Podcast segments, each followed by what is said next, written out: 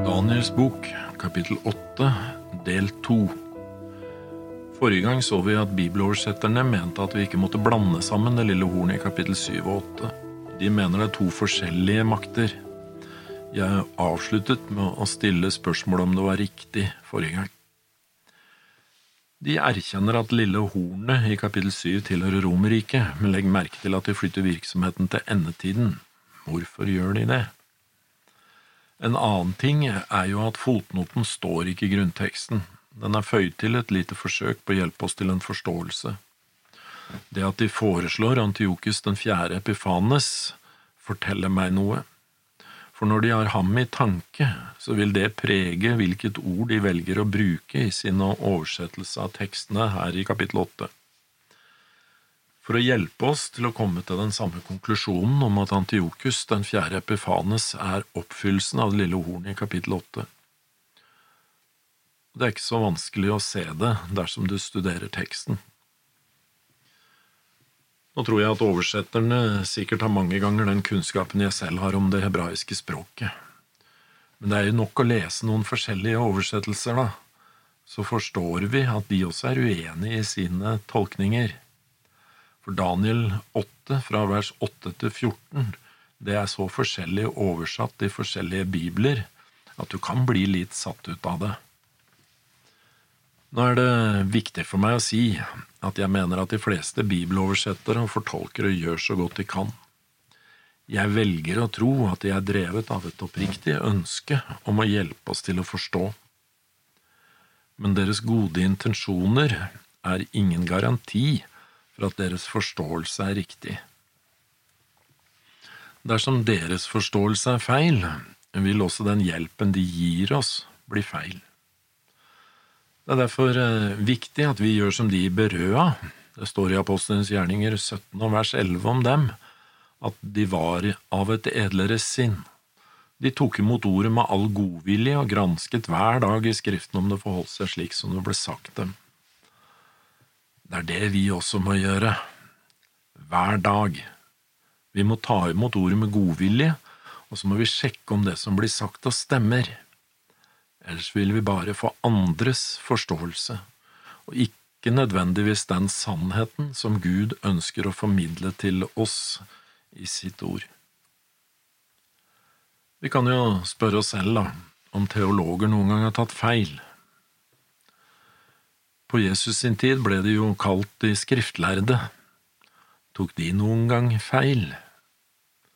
De fornektet jo Jesus, de trodde ikke at han var Messias, Enda Jesus sier jo at av alle skriftene, altså det vi kjenner som Det gamle testamentet, vitnet om Han. Men de hadde lest inn sine egne ideer i det, i forhold til den Messias-skikkelsen som de forventet. I rådet så diskuterte de Jesus en gang. Nikodemus prøvde da å ta Jesus litt i forsvar, hvorpå de svarte ham. Du finner det i Johannes kapittel 7 vers 52. Kanskje du også er fra Galilea? Gransk, så skal du se at ikke det står fram noen profet fra Galilea. Les det Jesajas skriver i kapittel 9, fra vers 1 og 2. Men det skal ikke alltid være mørke i det land hvor det nå er trengsel. Tidligere førte Herren vanære over Sebulons land og over Naftalis land. Men i framtiden skal han føre ære over det, over veien ved havet, landet på den andre siden av Jordan, hedningenes Galilea. Det folk som vandrer i mørket, skal se et stort lys. De som sitter i dødsskyggens land, over dem skal lyset stråle. For oss som lever i dag, så er det ikke vanskelig å tenke på Jesus når du leser det. Men de tenkte annerledes. På tross av sin posisjon og sin store skriftkunnskap. For de ventet en konge som skulle kaste ut romerne, og fornektet derfor at Jesus var Messias. Og jeg tror ikke at vår tid er så annerledes. Når man blir veldig opptatt av sin egen forståelse, så er det veldig lett å velge ord når man oversetter som leder tankene til lederne, til leseren, inn i det samme sporet som han selv er i.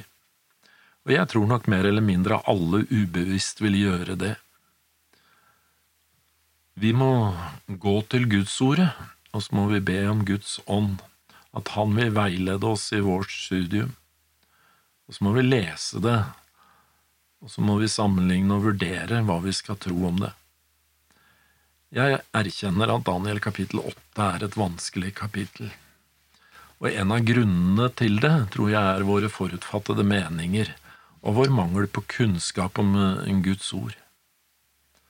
En annen er at det er en profeti som engelen Gabriel faktisk sier at skal være gjemt, egentlig skjult, helt til endetiden.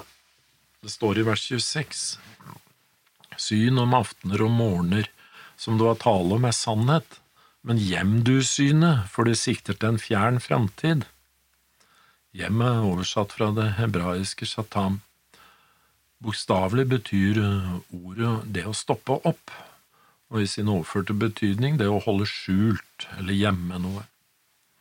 Samme ordet er brukt i Daniel 12, kapit 12. kapittel og vers 4. Og du, Daniel, gjem disse ord og forsegl boken inntil endens tid, mange skal fare omkring, og kunnskapen skal bli stor. Så kunnskapen om Daniels bok skal bli stor, men det er først etter at endens tid har begynt. I vers 9 kapittel 12 så sier han gå bort, Daniel, for disse ord skal være skjult og forseglet inntil endens tid. Så om vi tror at Daniel kapittel 8 er enkelt, så må vi tro om igjen. Vi trenger hjelp av Guds ånd for å forstå det vi leser. Så ikke bli sint på teologene eller oversetterne, og heller ikke på meg, men vær ydmyk innenfor Guds ord og be om at Guds ånd må hjelpe deg til å forstå. Det er jo det Daniel har lært oss hele veien hittil i boka si. I kapittel 2 og vers 28 så leste vi jo, for det er en Gud i himmelen som åpenbarer hemmeligheter. For meg er denne hemmelighet blitt åpenbart. Legg merke til hva han sa. Ikke fordi jeg eier noen visdom fremfor alle andre som lever, men for at tydningen skulle bli kunngjort for kongen, så du skulle få vite ditt hjertes tanker. Jeg tror Vår Herre ønsker at vi skal forstå, så vi må åpne ordet, så må vi studere. Tilbake til teksten. Kanskje Vår Herre har et poeng når han forteller en historie flere ganger med forskjellige bilder, uten at han rokker på rekkefølgen. Som vi husker i Daniel kapittel to, så var det slik med statuen til Nebukadnesar. Du er hodet av gull, det var Babylon. Så fulgte det med det persiske riket. Så var det Grekenland, og så jernriket Rom. Og da hadde de ti tærne av jern og leire. I Daniel kapittel syv så var det de fire dyrene, som jo var fire konger, og det var Babylon, Medo-Persia, Grekenland, og så fulgte Rom, og så de ti hornene og det lille hornet. Og her i Daniel 8 så begynner engelen ikke med Babylon, men med rike nummer to, altså Medo-Persia. Så navngir han også Grekenland som det neste, altså geitebukken. Så da er vi jo på sporet, da. Logisk så skulle vi kunne forvente at Romerriket følger etter. Vi får lese litt videre og se hva som kommer. Så får vi nok etter hvert også svaret i forhold til fotnoten om hvorfor det er så viktig at vi forstår forskjellen på disse hornene i kapittel 7 og 8. I vers 10 så står det Det vokste helt opp til himmelens hær og kastet noen av hæren og stjernene til jorden og tråkket dem ned.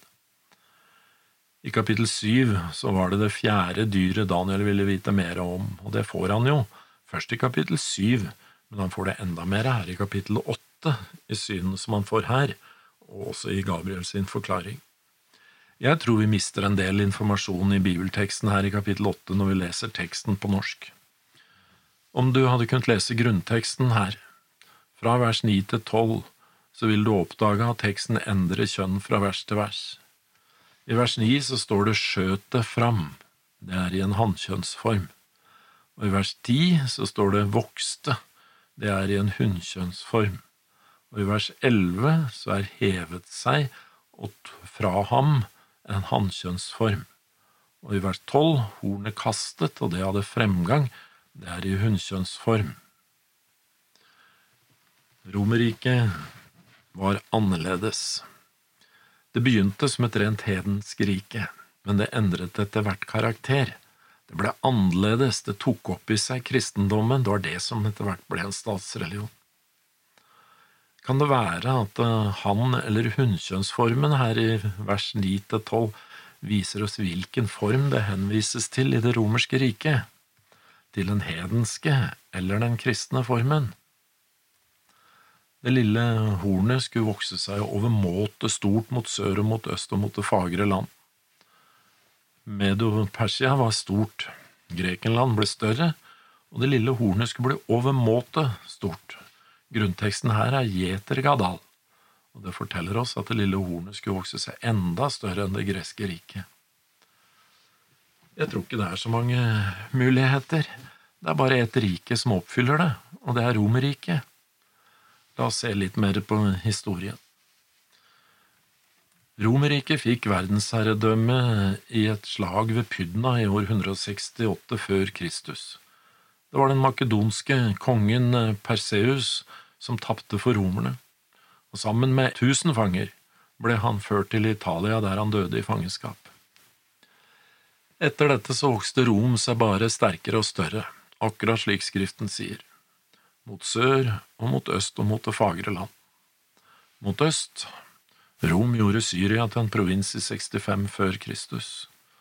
Mot det fagre land Israel i 63 før Kristus. Og mot sør mot Egypt i 30 før Kristus. Men hva med Antiokus den fjerde Epifanes? Vi må jo se litt på han også, siden bibeloversetterne setter inn sine fotnoter og mener at teksten snakker om han. Hvem var han? Han levde fra 215 til 164 før Kristus. Han var den åttende kongen i Selekid-dynastiet, det helenistiske, altså det gresk-makedonske kongeriket. Seleukus var jo en av de fire som tok over eller etter Alexander den store da han døde. Antiokus Epifanes var altså egentlig en del av det makedonsk-greske riket, og ikke dets etterfølger som skulle bli større enn slik teksten uttrykte det i vers 9.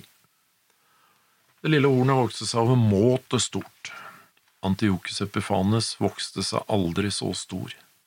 Det er ikke som erobrer, egentlig, at han er mest kjent. Det som gjør han kjent, er eh, at han undertrykket jødene. Det er vanskelig også å få det til å gå opp med Bibelens kjennetegn på det lille hornet. Han ble for det første altså aldri så stor, det stemmer heller ikke med kjennetegnet i vers 24, hvor det står at han skal ha fremgang med alt han foretar seg, for Antiokus Epifanes hadde ikke det. Tvert imot, han ble ydmyket gang på gang. Antiokus den fjerde Epifanes han var sønn av Antiokus den tredje den store, og han tapte et slag overfor romerne, som da tok både land og skatt, men ikke bare det, de tok også hans sønn Antiokus Epifanes som gissel og etter en del fram og tilbake så lot romerne etter hvert Antiokus Epifanes bestige tronen, men han regjerte på Roms nåde fra 175 til 164 før Kristus. Han hadde et visst herredømme i sør, men eh, han hadde ikke gått inn i hovedstaden i Egypt, i Alexandria. I 168 før Kristus ledet han et angrep på Egypt men før han nådde Alexandria, så ble han oppsøkt av den romerske ambassadøren Popillus Lenas. Og Det var fordi det romerske senatet ønsket at Antiokus skulle trekke seg tilbake. Det var derfor de hadde sendt Lenas for å informere han om det. Antiokus var litt motvillig, og Lenas tok da staven sin, og så tegnet han en sirkel med den i sanden rundt Antiokus, og så gav han Antiokus et ultimatum. Enten måtte han trekke seg ut, eller så var han i krig med Rom. Og Lenas han forlangte et svar om han aksepterte, før han gikk ut av sirkelen. Og da spør jeg, hvem er størst, og hvem er det som har makta? Er det han som befaler, eller den som blir befalt over? Det er romerne som har makta, ikke Antiokus Epifanes, han bøyde seg for Roms krav. I historiske skrifter fremstår han Antiokus Epifanes heller ikke som noen stor erobrer. Tilnavnet hans Epifanes betyr den strålende, men hans samtid ga han egentlig navnet Epimanes, som betyr den gale. Antiokus han hatet jødene, og han lot sin vrede gå utover dem. Han satte opp en statue av Sefs med sitt eget ansikt på ved alteret i tempelet i Jerusalem, og den 25. Kislev, på Sefs fødselsdag, så ofret han en gris på alteret, og blodet det tok han med seg helt inn i det aller helligste og kjente tempelet. Men er dette oppfyllelsen av det lille hornet som vi leser om her i Daniel 8? Jeg tror ikke det. Men neste gang skal vi se litt mer på det.